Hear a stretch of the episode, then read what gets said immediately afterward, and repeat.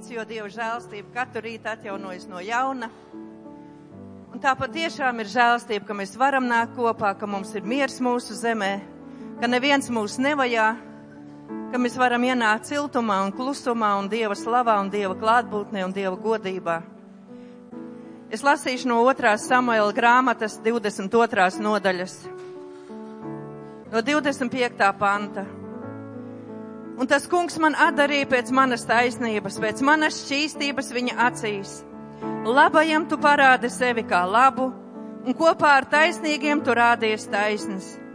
Ar šķīstiem tu parādies šķīsts, bet tiem, kas aplami dzīvo, arī tu sagādā vilšanos.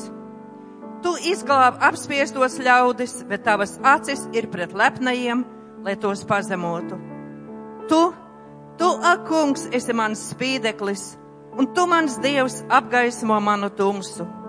Ar tavu palīdzību es pārvaru iebrukušos pulkus, ar sava dieva atbalstu es varu lēkt pār mūriem.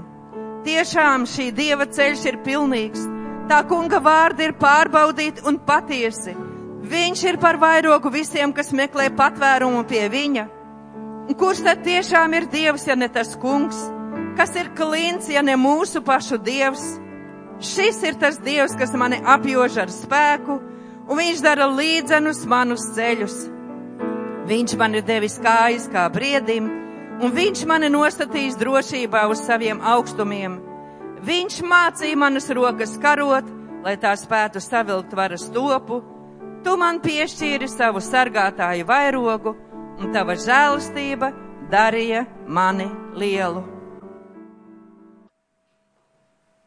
Tagad ir laiks Dieva vārdam, un dosim vārdu mūsu goda bīskapam Jānim Uzalinkevičam, lai viņš runā tos vārdus, ko Dievs viņam devis šodien. Man liekas, ka mūzum bija stāvāk jākāp kalnā, ne? bet ļoti labi, ka nav kāpnes. Pa slīpumu jau vieglāk iet. Es kādreiz esmu mēģinājis iet pāri straujai kalnu upei.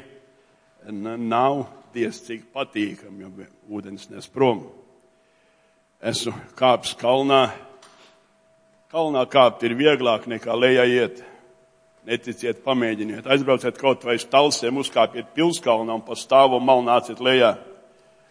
Ja jūs nonāksiet lejā un teiksiet, ka lejā bija vieglāk, es teikšu, neticu. Jo stā, uz leju iet daudz grūtāk. Jūs tam ticat, ka uz leju iet grūtāk? Nē. Jo nevienam negribās laisties lejā, visiem gribās palikt augšā. Šodien es teikšu tā, vakar es sēdēju mājās Un man bija tāda saprašana, ja jau man aicina šeit uz to draudzi, droši vien būs jārunā arī.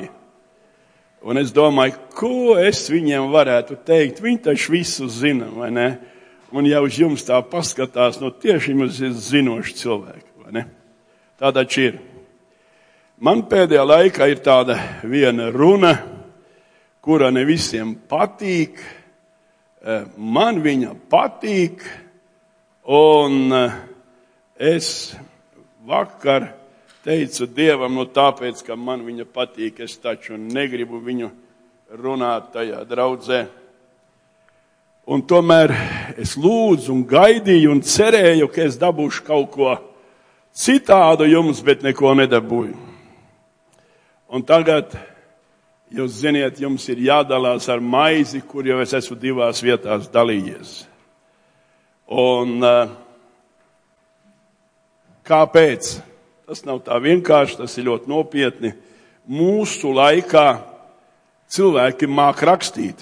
Jūs protiet rakstīt? Ja? Es arī. Un cilvēki cenšas daudz ko uzrakstīt šodien. Un raksta daudz un dažādas grāmatas. Man pat uzdāvināja šī grāmatas par svēto garu. Un es lasu viņus un domāju, ak, Dievs, vai tad viņš Bībeli nav lasījis? Bet, nu, cilvēks apgalvo, ka tas tā ir, un viss. Un uh, tas man lika aizdomāties divu iemeslu dēļ, lai pareizi saprastu. kad notiek svēta gara kristība, kas kristīja ar svēto garu un ko Dievs kristīja ar svēto garu. Ir ļoti konkrētas mācības, kuras māca tā, tik līdz jūs piedzimstat no augšienes, tad jūs jau esiet kristīti svētajā garā. Pamatojuma Bībele ir un nav. Tad jūs variet teikt, ka jūs esat kristīti ūdenī tajā brīdī, kad jūs kristīja ūdenī, eh, Dievs jūs kristīja arī ar svēto garu. It kā ir un it kā arī nav. Jūs sakat, jocīgi tur runā. Tad es teikšu tā, vēl ir svēta gara kristība, kura ir pēc ūdens kristības. Pēc ūdens kristības, jā, ticiet vai neticiet, Jēzus saņēma svēto garu kā balodi, ka viņš izkāpa no ūdens un Dievu lūdza. Svētais gars nonāca uz viņu. Tā ir rakstīts Lūkas evaņģēlijā. Un vēl ir citas lietas. Samārija bija kristīti visi, sūtīja Jānu un, Pēt, un Pēteru, un tie lūdza, lai, svēto, lai tie dabūtu svēto garu. Bet, nu, visu pēc kārtas. Citādāk es izstāstīšu vienreiz, un pēc tam otrreiz stāstīšu vairāk. Kāpēc ir ļoti nopietns jautājums svētais gars? Svētais gars nozīmē Dieva spēku tavā dzīvē. Svētais gars nenozīmē tikai to, kā tu vari pateikt, nu, paldies Dievam, es esmu kristīts svētajā garā. Ļoti daudz cilvēku tā saka. Bet ir viens bet. Svētais gars pie cilvēka darbojās vēl tad, kad viņš ir pagāns. Jūs sakat, kā ļoti vienkārši. Jūs, kas šeit sēžat un droši vien esat kļuvusi kristieši, jūs ziniet, ka reizēm bija laiks un brīdis, kad jums bija tāda iekšēja vēlme aiziet uz kādu baznīcu. Ne no šā, ne no tā pēkšņi garām. Ah, iešu iekšā, paskatīties, kas tur ir. Jums reizēm gadījās, ja mums reizēm gadījās doma, vai es esmu grēcinieks, vajadzētu nožēlot. Nē, Dieva jau nav. Mēs sakām, pat vislielākam ateistam ir šī cīņa. Ir vai nav Dievs? Vai nevajag tomēr meklēt Dievu? Kāpēc es to zinu? Jo es esmu sarunājies ar dažiem ateistiem, kuri bijuši ļoti karojoši un pēc tam kļuvuši kristieši. Neviens vien.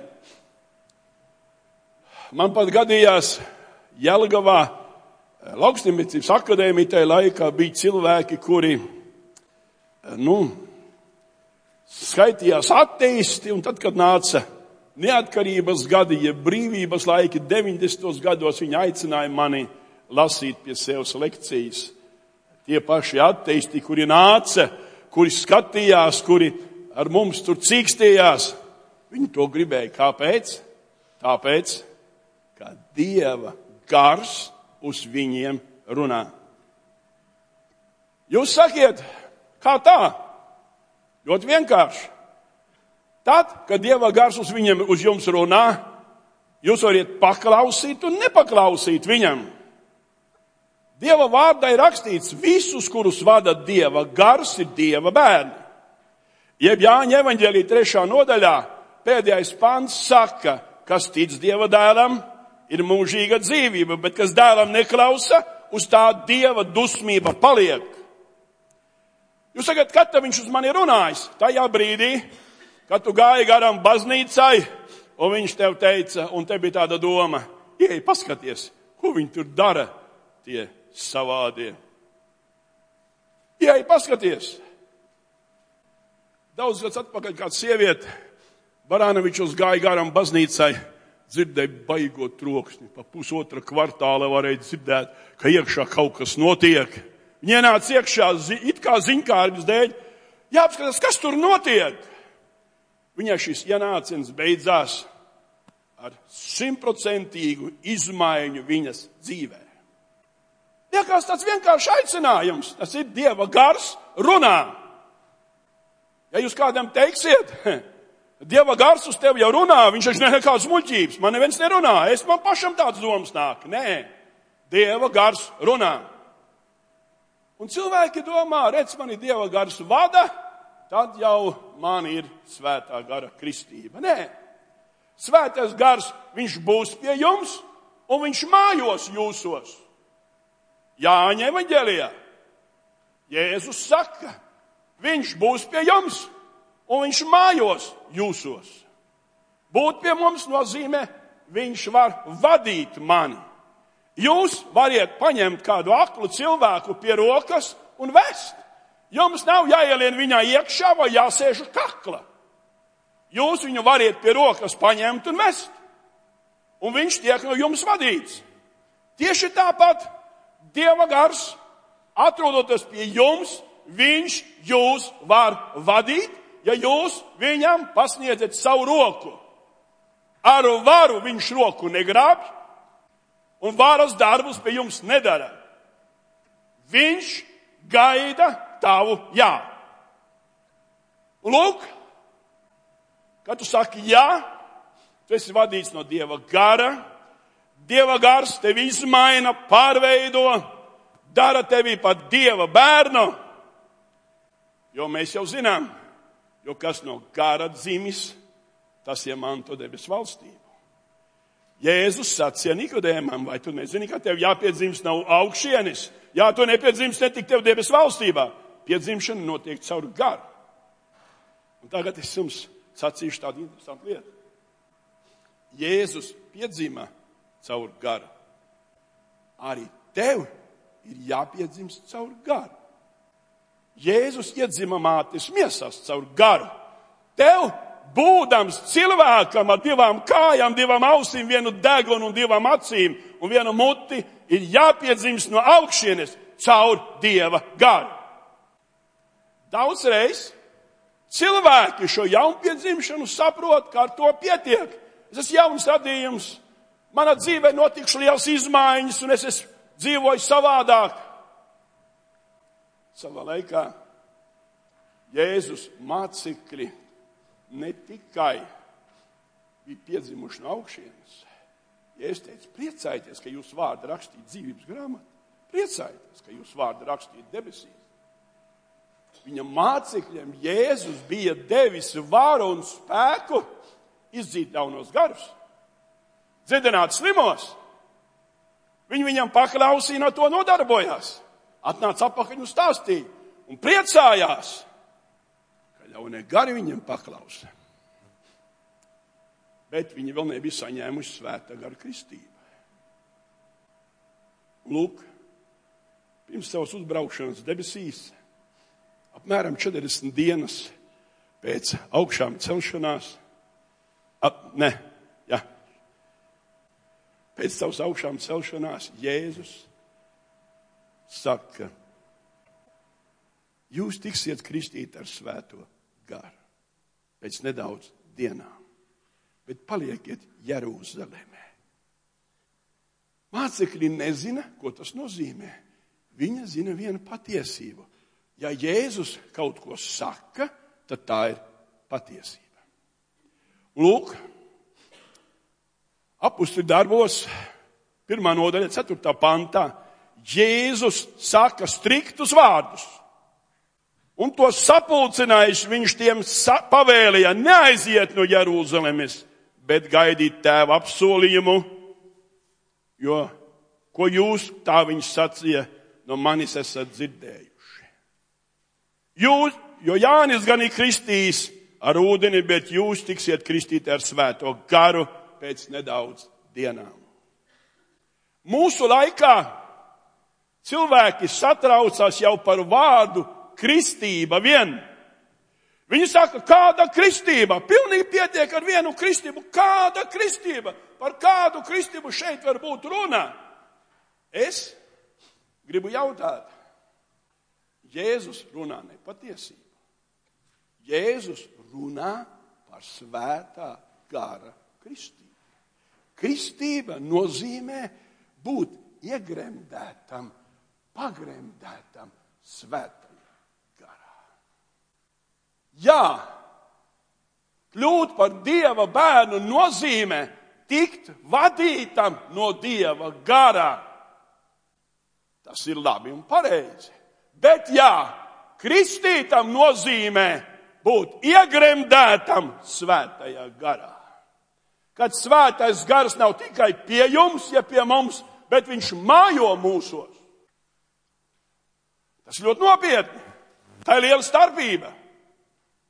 Piemēram, ja kāds brauc ar automobīlu un liek jums skriet blakus, nekā interesanta nav. Jūs nogūstat.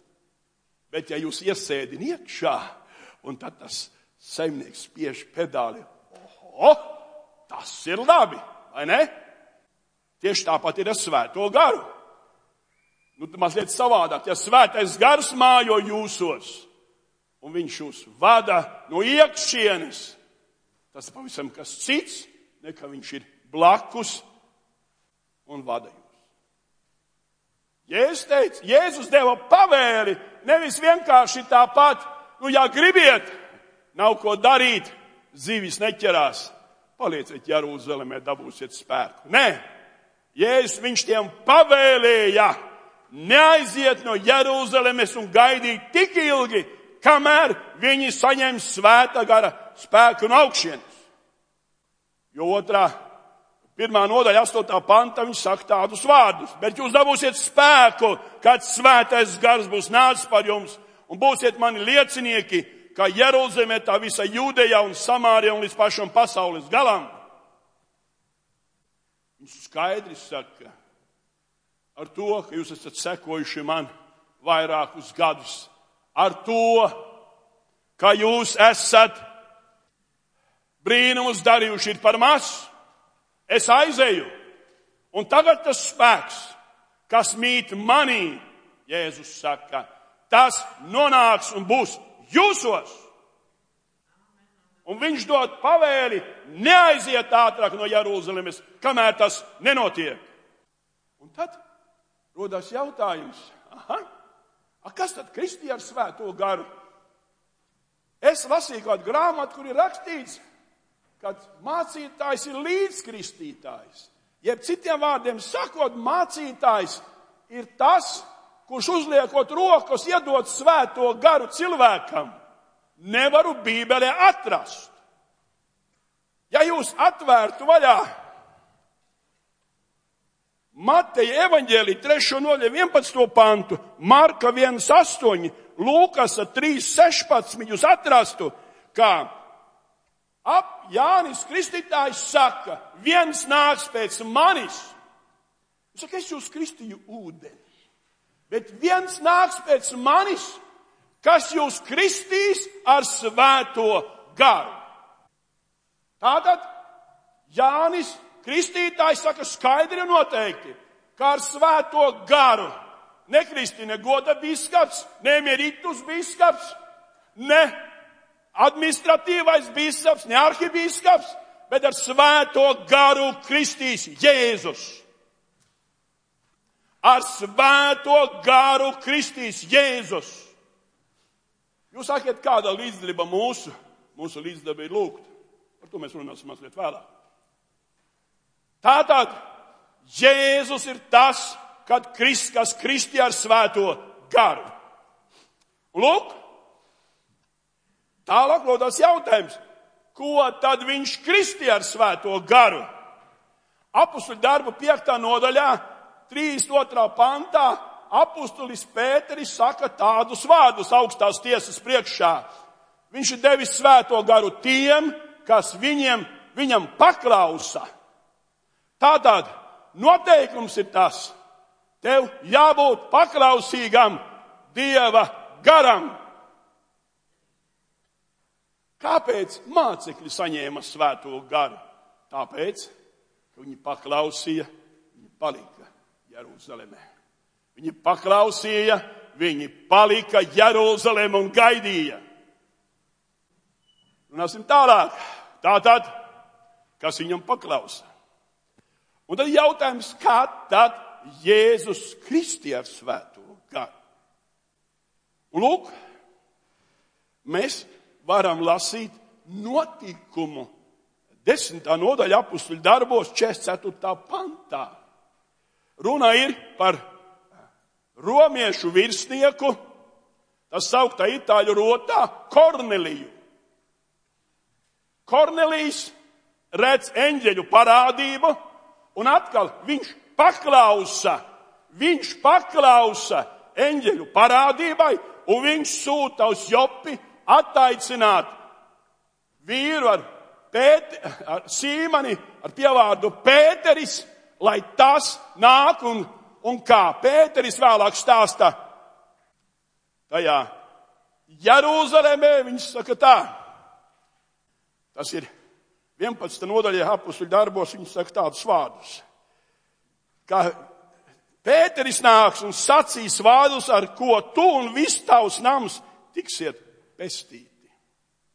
Ar ko tu un viss tavs nams tiks pestīti. Kornelijs ir kārtīgs vīrs. Viņš daudz lūdz. Viņš ir jūdu ticības biedrs, ir prosēlīts. Tie to sauc par prosēlitu. Viņš ļoti ticības biedrs, viņš daudz lūdz Dievu, viņš dod dāvanas nabagiem. Viņš palīdz. Mēs teiktu, cik svētīgs brālis, cik kristīgs. Dieva eņģelis saka, tev vajag glābšanas. Tev vajag glābšanas. Aicini Pēteri, Pēteris tev izstāstīs, kas tev jādara. Un lūk, Pēteris atnāk un viņš sāk runāt. Un kamēr viņš jau runā, svētais gars nāk pār sapulcētiem, un tie runā mēlēs un pravieto. Un līdzatnākušie ebreji saka, paklau, Dievs devis svēto garu tiem, Dievs devis svēto garu tiem tāpat kā mums. Es esmu bijis līdzdalībnieks, ja esmu redzējis, pats lūgdams pēc svētā gara kristības, kā Dievs kristīja ar svēto garu. Es jau biju piedzimis no augšienes, es biju kristīts ūdenī un jau vairākus mēnešus neatlaidīgi lūdzu, lai Dievs mani kristīja ar svēto garu. Vienā no tādām mājām, no tāda dievkalpām mums, mēs mājās pa mājām gājām, turējām, bija atnācis tēvam līdzi viens puisis, kurš bija pirmo reizi dievkalpojumā. Un viņš sūdzēja savus grēkus, cik es saprotu, un pēkšņi viņu uzrāva kājās, viņu pacēla, nu vismaz kādu pusmetru virs zemes, un viņš paceltām rokām runāja jaunās mērēs. Un mans vecākais brālis man saka, Jā, ko tu kasies? Viņš saka, paskaties, viņš atnāca pirmo reizi, jau saņēmis ar kristību, a tu te mēnešiem lūdzu. Jūs saprotiet? Dievs viņu kristīja ar svēto garu Jēzus pirms manis.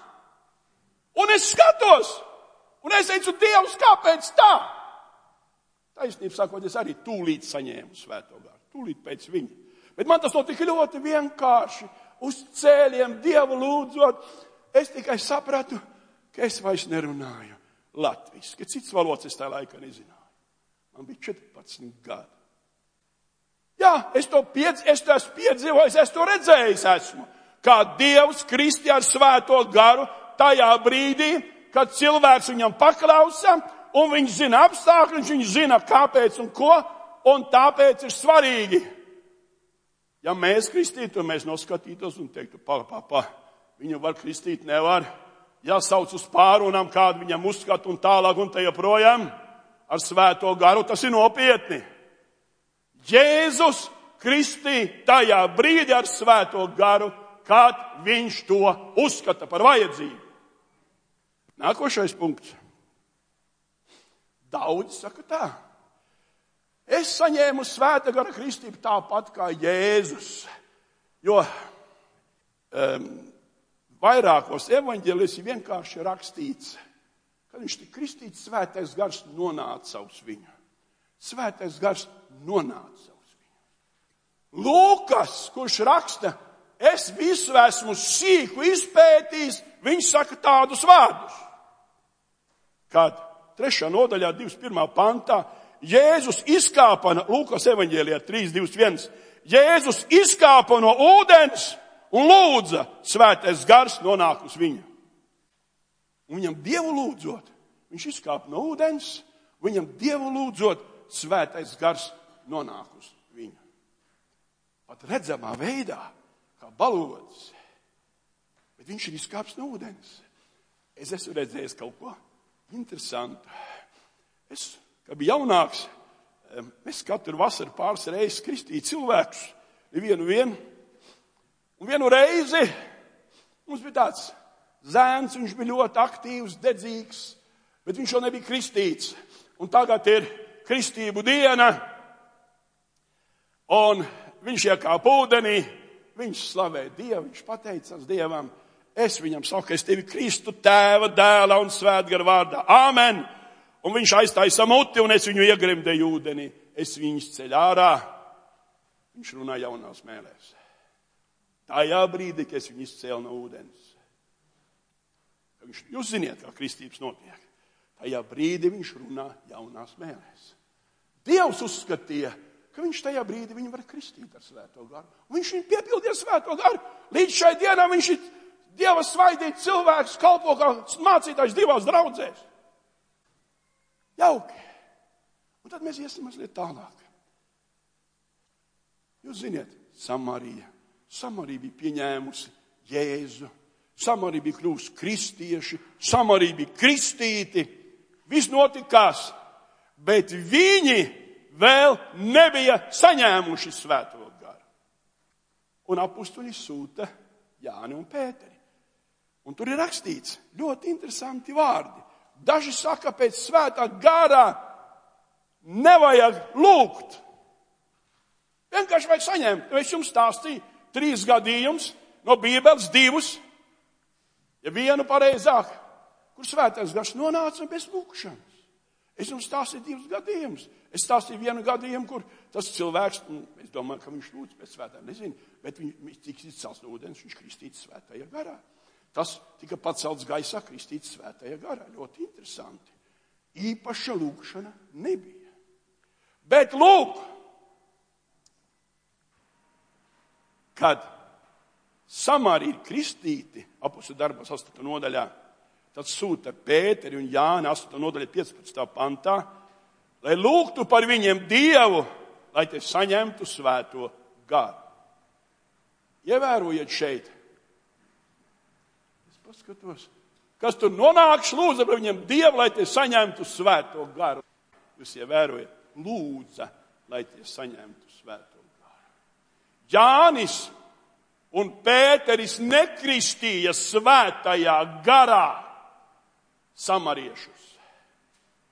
Jānis un Pēteris lūdza, lai svētais gars nonāk un piepilda. Tad, kad jūs lasiet 19. nodaļa, manuprāt, par 6. pantā, par Efesu, Ko jūs tur atrodat? Jūs atrodat, kad Pāvils rīkojas atbilstoši tā, kā to saka Pēteris. Jo Pēteris apustu darbu otrā nodaļā 28. panta saka, atgriezties no grēkiem, liecieties kristīties, tad jūs dabūsiet svētgā dāvanu. Jo šis solījums ir jums un jūsu bērniem un visiem citā tas kungs pieaicinās. To mēs saucam par klasisko brīdi. Tas ir atgriešanos no grēkiem, ūdens kristība, arī, kas arī paklausības solis, un tad svēta gara kristība. Kad Pāvils ir Efesā, viņš apskatās un jautā, dabūjāt svēto garu, mēs neesam dzirdējuši. Saka, esat kā kristīti, mēs uz Jāņa kristību. Viņš viņus kristīja pa jaunu. Viņš viņus kristīja pa jaunu. Un tad, kad viņi izkāpa no ūdens, kad viņi ir ārā, Pāvils, es saprotu, tur nav rakstīts, ka lūdzu, bet es tā esmu pārliecināts, ka Pāvils lūdza, uzlika rokas un tie runāja mēlēs un pravietoja. Un lūk, var jums pateikt, pie jaunpiedzimšanas, pie ūdens kristības, es teiktu tā, klasiskā metode, trīs varianti. Vismaz, kā Dievs kristī svētajā garā. Un vēl es gribu uzsvērt, ka svētajā garā kristī Jēzus. Jo Jānis Kristītājs saka, ka kas nāk pēc manis, viņš jūs kristīs svētajā garā. Daudz cilvēku, dažreiz sestdien dievkalpums, ka mums ir vienreiz mēnesī, viņi atnāk pie manis un saka tā, biskap, kristi man svētajā garā. Es domāju, ja es būtu jēzus, es kristītu, bet es jēzus neesmu. Man, es nepārmetu šiem cilvēkiem, es saku, bet lūksim, lai Dievs jūs kristīs svētajā. Es nevaru, es nevaru jūs kristīt svētajā. Es varu lūgt. Es varu lūgt. Tāda, lai jūs saņemtu svēto garu, jums jābūt tiem, kas paklausa Dievam.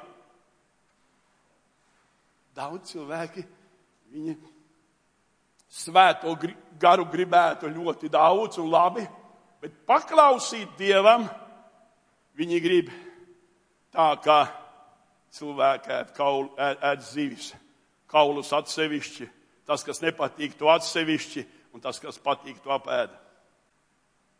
Ar tādu attieksmi nesaņemsi svētā gara kristību. Ar tādu attieksmi nesaņemsi svētā gara kristību. Jo kas viņam paklausa, tas nozīmē visur. Maz piemērs, kā man gadījās manā dzīvē pēdējā laikā. Es 20. novembrī esmu Kandavā, un es sākšu dievkalpojumu un skatos, À, tur tā kundze ir sēž, par to jāizlūdz Dievs pirms sākam. Viņai kāds sāpes, manuprāt, ir. Tur vēl viena sveša ir, par to arī būtu jālūdz, bet kas viņai pa vainu, nezinu. Nav problēmas, es aizēju pie tās, kas jau tur nāk vienmēr, aizlūdzu Dievu un eju pie tās svešās. Vai es varu par jums lūgt Dievu? Jā, jā, mācītāji, man rīt operācija. Tā ir otrdiena tas ir trešdiena manuprāt, viņš rīt operāciju, aizlūdz Dievu, lai Dievs svētī dakteris. Kāda problēma? Es nolūdzu Dievu. Es esmu paklausījis. Nolūdzu Dievu, Dievs. Un novadam dievkalpojumu, dievkalpojums beidzās, ejam ārā. Jūs ziniet, kādreiz cilvēkam ir tāda izteicina, viņš tā izsaka kaut ko pēc tam domā.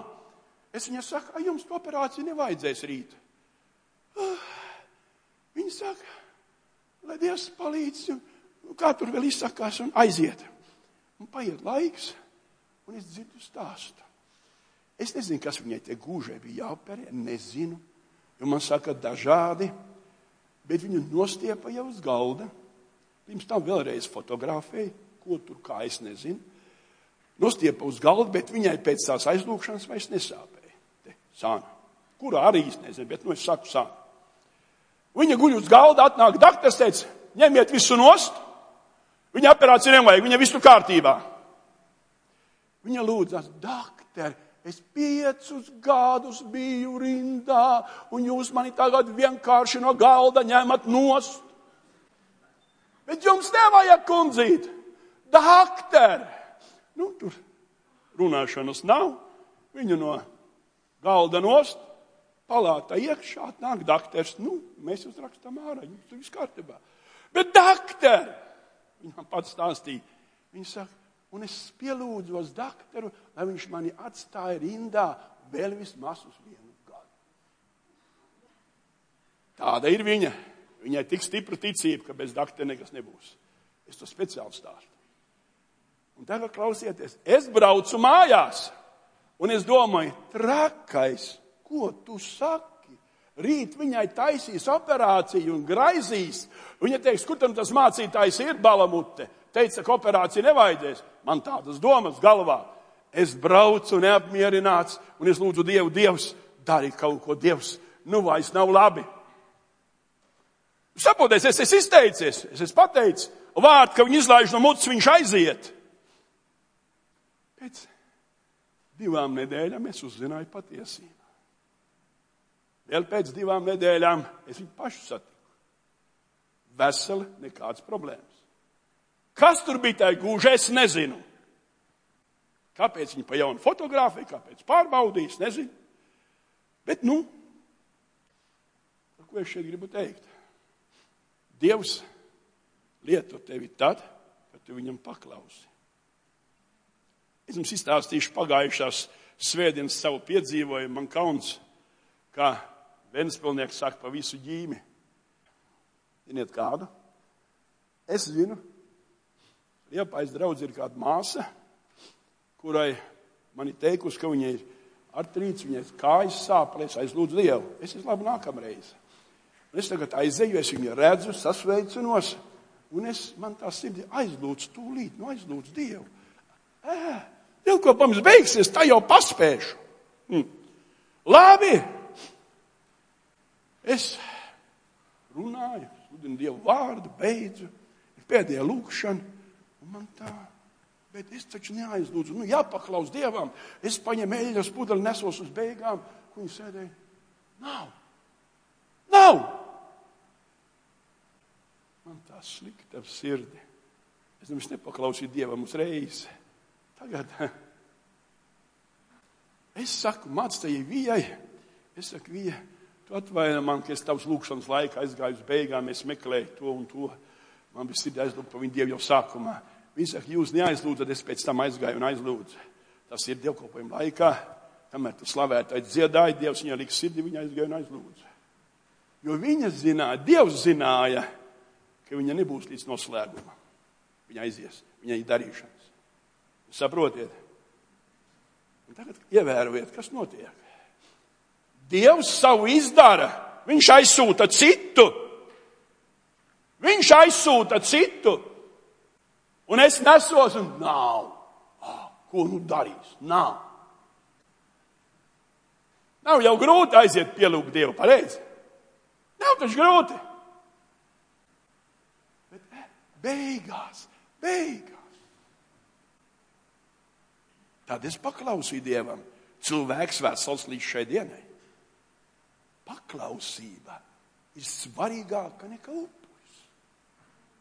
Kāpēc Dievs Kristi ar svēto garu dod svēta gara spēku tiem, kas viņu paklausa? Jo nav jēgas tev iedot svēto garu, kā tu turēsi sev kabatā un tā kā tu sadomās, tad tu lietos. Dievs tā nav ar mieru. Dievs ar mieru ir tā, ka viņš tev spēku deva un tu viņam paklausi un lieto šo spēku. Ja viņš tevi lieto, precīzāk sakot, tā ir cilvēka problēma. Daudzi domā, ka pietiek, ka es pievilkšu tādu, ziniet, tādu klāt, punktiņu pielikšu. Man tas tagad ir. To tāpat vien nedod. To dod tāpēc, lai jūs būtu liecinieki Jeruzalemes, Samārijā un līdz pasaules galam. Ja mēs varētu teikt Rīgā, Latvijā un līdz pasaules galam, man ir prieks, ka es esmu liecinieks tukumā. Lai Dievs jūs svētī. Nākošā lieta ir ļoti sarežģīta. Nu, tik sarežģīta, ka reizēm liekas, kliegt, gribās kliegt. Ko jūs sarežģījat vienkāršas lietas? Jo problēma sākas ar pirmo svētā gara kristību.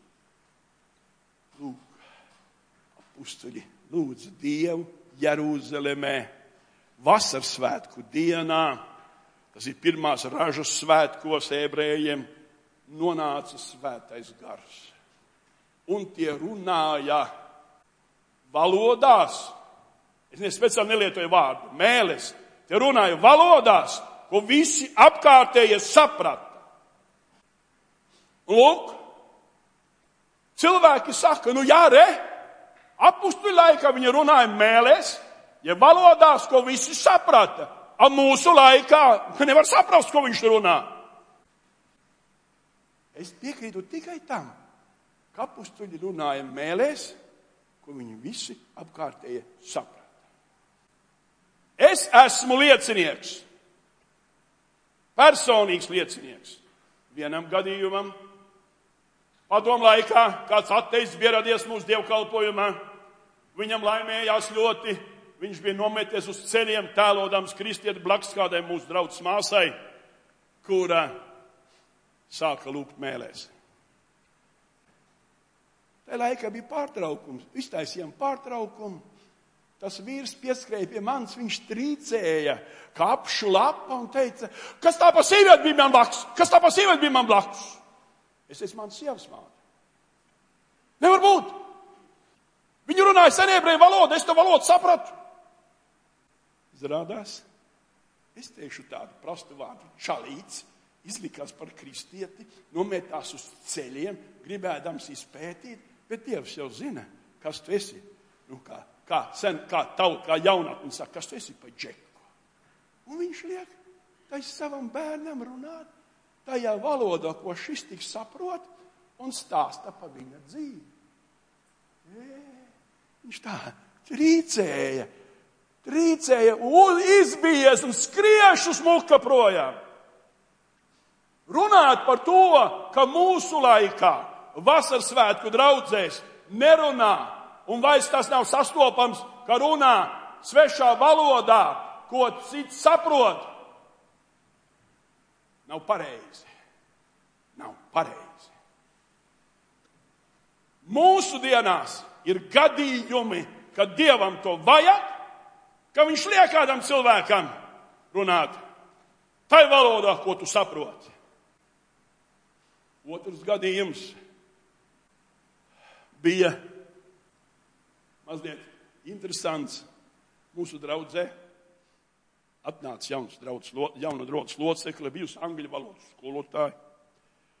Un viņi klausījās, ka kāda mūsu draugs māsa runā mēlēs un pravieto un tulko.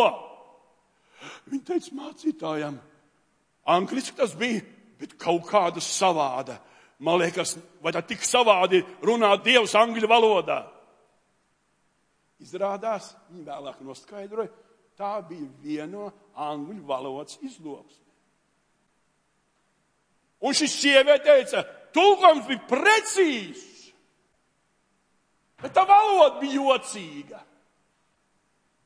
Tas ir otrs gadījums. Ko es zinu?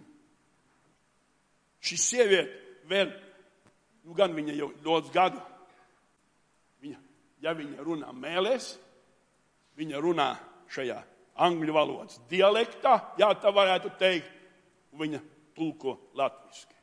Viņa angliski neprot neko. Runāt par to, ka tā ir vienkārši burbuļošana, runāšana mēlēs vasaras vēl draudzēs, nav godīgi. Es jau to jums esmu stāstījis. Es biju Argentīnā. Argentīna runā spāniski. Kad es aizgāju lūgt par kādu puisi, dievu, man tulka nebija. Es uzliku rokas un sāku lūgt, viņš stāvēja kājās. Es biju iesācis lūgt, viņš pēkšņi iekaucās kā suns, kurš dabūjis ir ar pātagu, nokrīt uz ceļiem un raudāja. Es beidzu lūgt, aizgāju pie nākošā. Viņa draudz diakons palika ar viņu pārunāties. Nākošo dienu mēs satikamies, viņš teica tā, mācītāji, tu viss atceries, ko tu par mani lūdzi. Man jēgas nebija, ko es lūdzu. Bet viņš visu zināja. Viņš visu bija sapratis. Jūs teikat, un pārējie? Pārējie, es jums teikšu kaut ko. Ar apustulis Pāvils runā par runāšanu mēlēs, ko neviens nesaprot. Apustuls Pāvils runā par runāšanu mēlēs, ko neviens nesaprot. Un lūk, tas ir rakstīts 1. korintiešiem, 2. 14. nodaļa, 2. pants. 39. panta. Viņš saka, neliedziet runāšanu mēlēs. Jo dažiem liekas, un paklau, kā viņš runā mēlēs, un es nesaprotu. Man kāds cilvēks uzdeva nejauku jautājumu. Viņš teica tā, man kā blakus runā svešā valodā, lūdzu, die, man tas traucē. Es viņam mazliet tā pajokoju, es teicu tā, paklau. Uz tavu dievkalpojumu ir atbraucis Igaunis. Un viņš saprot krievu valodu, varbūt pat latviešu valodu, bet viņš grib lūgt Dievu savā valodā. Kāpēc es to saku? Jo es biju, es biju liecinieks šādai nesaprašanās. Un Igaunīts paceļ rociņus un lūdz igauniski. Ja viņš ir estīpojis, igauņu puika. Blakus stāvētājs viņam pārmet. Tu man traucē lūgt. Viņš saka, es taču lūdzu savā dzimtā valodā, igauņu. Es tur pat blakus. Ah. Tad, ja mēs aizbraucam uz Krieviju, lūdzot Dievu, tad, kad man negribās, lai tie cilvēki saprot, ko es lūdzu, es lūdzu latviešu. Tad viņi varētu teikt, tā, ko tu lūdzu mēlēs, te kaut kas nav īsti. Bet vēlns ir tā apstulbojis cilvēku prātus, ka viņi domā, ka es esmu ienācis cerības, daudz cerību dievkalpēm un šeit pamatā ir latvieši, tad es krieviski vairs nevaru lūgt, jo es kādam traucēšu. Man, jā, man jāklusē vai jāmēģina latviski izspiest kaut ko. Normālis ar prātu domājot. Neredzot aiz katras svešas valodas sātanu. Apostols Pāvils tāpēc saka, neliedziet svešās valodās lūgt. Neliedziet! Pirmkārt, tas var būt cilvēks no svešas tautas. Otrkārt, Dievs viņam var dot valodu, kuru neviens nesaprot. Un viņš lūdz, un kas mēlēs lūdz, ja valodās lūdz, viņš uztaisa pats sevi. Viņš runā noslēpumus Dievam. Dabīgi es nekad vairs neesmu dzirdējis tādas lietas, ka kāds cilvēks runā mēlēs un kliedz pa visu dievkalpojumu, un, un tulka viņam nav. Tādas lietas parasti nedara. Bet cilvēki lūdz mēlēs. Jā, tu lūdz mēlēs, neuztraucies. Varbūt tu to valodu nezini. Es esmu bijis dažādās tautās. Es jums es teicu, kad es biju Armēnijā no sākuma, kad es klausījos, kā armēņi lūdz, kā armēņi runā. Man likās tādi šļupsti, ko bērni runā un neko nemāk. Es domāju, ak, Dievs, kas tā pa valodu? Bet es sapratu, ka viņi runā armēniski. Pagāja dažas dienas, es jau sapratu, ka tie ir vārdi, tie ir teikumi. Dievs nedusmojās, ka viņi lūdz manā klātbūtnē armēniski. Viņi lūdz savā dzimtā valodā. Māsam, brāli, gribu tev sacīt, svētais gars ir tas izšķirošais. Pēdējā laikā ir tāda interesanta lieta. Vairāki mācītāji saka, kā viņi saka, viņi saka tā. Uh, Re, te baterijas, klausies, te viens baterijas meklē, te trīs stāv. Uh, viņi saka tā, ka Dievs grib atgriezt pirmās draudzes spēku un stiprumu šī laika draudzē. Viņš grib atgriezt pirmās draudzes spēku un stiprumu šī laika draudzē. Cilvēku problēma ir tā, kad viņi filozofē Kā tad es saņemšu svētā gara kristību? Bībeles notikumi māca, kā jebkurā brīdī. Dievu vārdu sludinot pēc kristībām, pie jaunpiedzimšanas, kā kuram tas kungs gribēs dot svēto garu. Nevis tā, kā tu gribi, bet kā tas kungs grib. Var jums ar mazliet humors dzīves pastāstīt. Mana sievas māte ļoti lūdza Dievu, lai Dievs viņu kristot svētajā garā neliek runāt čigāniski. Kad viņu Dievs kristīs svētajā garā, viņa pusdienu tikai čigāniski runāja. Un mācītājs, kurš zināja čigānu valodu, teica, mūsu čigāniete, mūsu čigāniete. Kāds brālis, kurš teica, man riebjās tad dziedāšana mēlēs kad Dievs viņu kristījās svēto garu. viņš visu dienu to vien darīja, kam dziedāja mēlēs. Zini?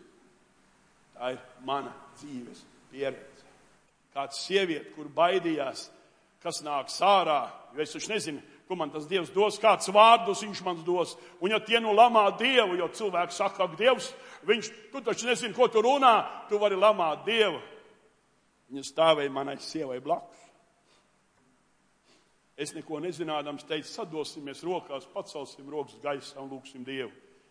Viņa pacēla rokas gaisā, jo pirms tam, kad valodas nāca, viņa aizspied muti. Ar abām rokām nedod Dievs, kas tur nāks ārā. Un viņa rokas bija paceltas, mana kundze rokas vaļā nelaida, lai aizspiestu muti, un viņa sāka lūgt jaunās mērēs. Esmu redzējis, ka dievkalpojuma laikā cilvēki lūdz Dievu dzied, slavē Dievu. Cilvēks, kurš ir lūdzis pēc svētā gara kristības, paceļ rokas un dzied dziesmu.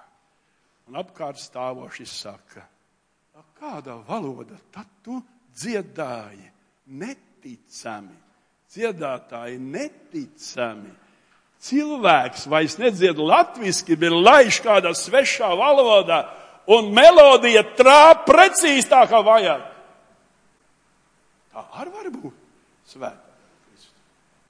Kāds sirms vīrs no Mateus Baptistu draugs man teica, viņš saka, es naktī pamodos, ka es runāju mēnesi. Jo es ļoti lūdzu, lai Dievs man kristi ar svētā.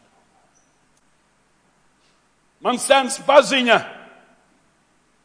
Dundāk aizbrauc uz tirgus ar ratiem, tirgot savus produkciju kā zemnieks. Piebrauca pie galdiņa, kur kraus preces ārā un sāk runāt mēlēs. Šausmas, viņš dabūja braukt mājās no tirgošanas nekā, jo neviens viņu nesaprot, viņš tik kaut ko runā. Jūs sakat, šausmīgi, vai ne? Es teikšu, nav nekā brīnišķīgākā, kā būt piepildītam ar svēto garu. Atceries! lai tu saņemtu svēto garu, tev ir jāpaklausa. Ja Dievs grib, lai tu ej to saucamo klasisko metodi pēc ūdens kristības, klausi, bet esi gatavs jebkurā brīdī. Un tas kungs tev piepildīs ar savu svēto garu. Vairāk kā 40 astoņus gadus Es visu laiku esmu bijis loceklis vienā draudzē. Pirms tam es biju citā vietā, citā draudzē. Es redzēju daudz brīnišķīgu kristību svētajā garā. Daudz brīnišķīgu kristību svētajā garā. Dievam ļoti rūp, lai tu tu piepildītu ar spēku no augšienes. Dievam tas ļoti rūp. Bet tu saki, kāpēc mani nekristīs svētajā garā? Pārbaudi sevi. Pārbaudi sevi. Kā ir ar tevi? Kāds vīrs nevarēja saņemt svētdienas kristību vieniem iemeslu dēļ. Viņš bija jau gados vīrs, un beigās es uzzināju. Viņš teica tā, kāda jēga no jums kristītiem svētajā garā, kas ir savādāk? Es tāpat nāku uz baznīcu. Kā ir ar tevi? Es tāpat nāku uz baznīcu. Kaut ar visiem būtu tāpat kā tev.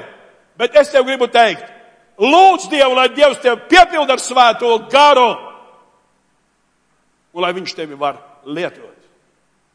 Paklausi viņam. Esi paklausīgs viņam līdz galam vienmēr. Ja viņš saka šodien, dari to šodien. Ja viņš saka tagad, dari to tagad. Tā ir mana rūktā pieredze.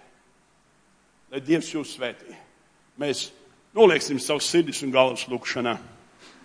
Tēvs, mēs tev pateicamies. Tēvs, mēs pagodinam tavu svēto vārdu lūdzam. Tu sacīji, ka mēs dabūsim spēku, ka tavs gars būs nācis par mums. Un es lūdzu šodien sūti savu svētā gara spēku pār mums piepildi mūs, piepildi mūs, Dievs, atjauno savas draudzēs, tava gara pilnumā, tava gara svētība un dzīvība no augšienes Dievs, lai deg tava svētā gara uguns Dievs. Tēvs, dēls un svētais gars. Amen. Lai Dievs jūs svētī.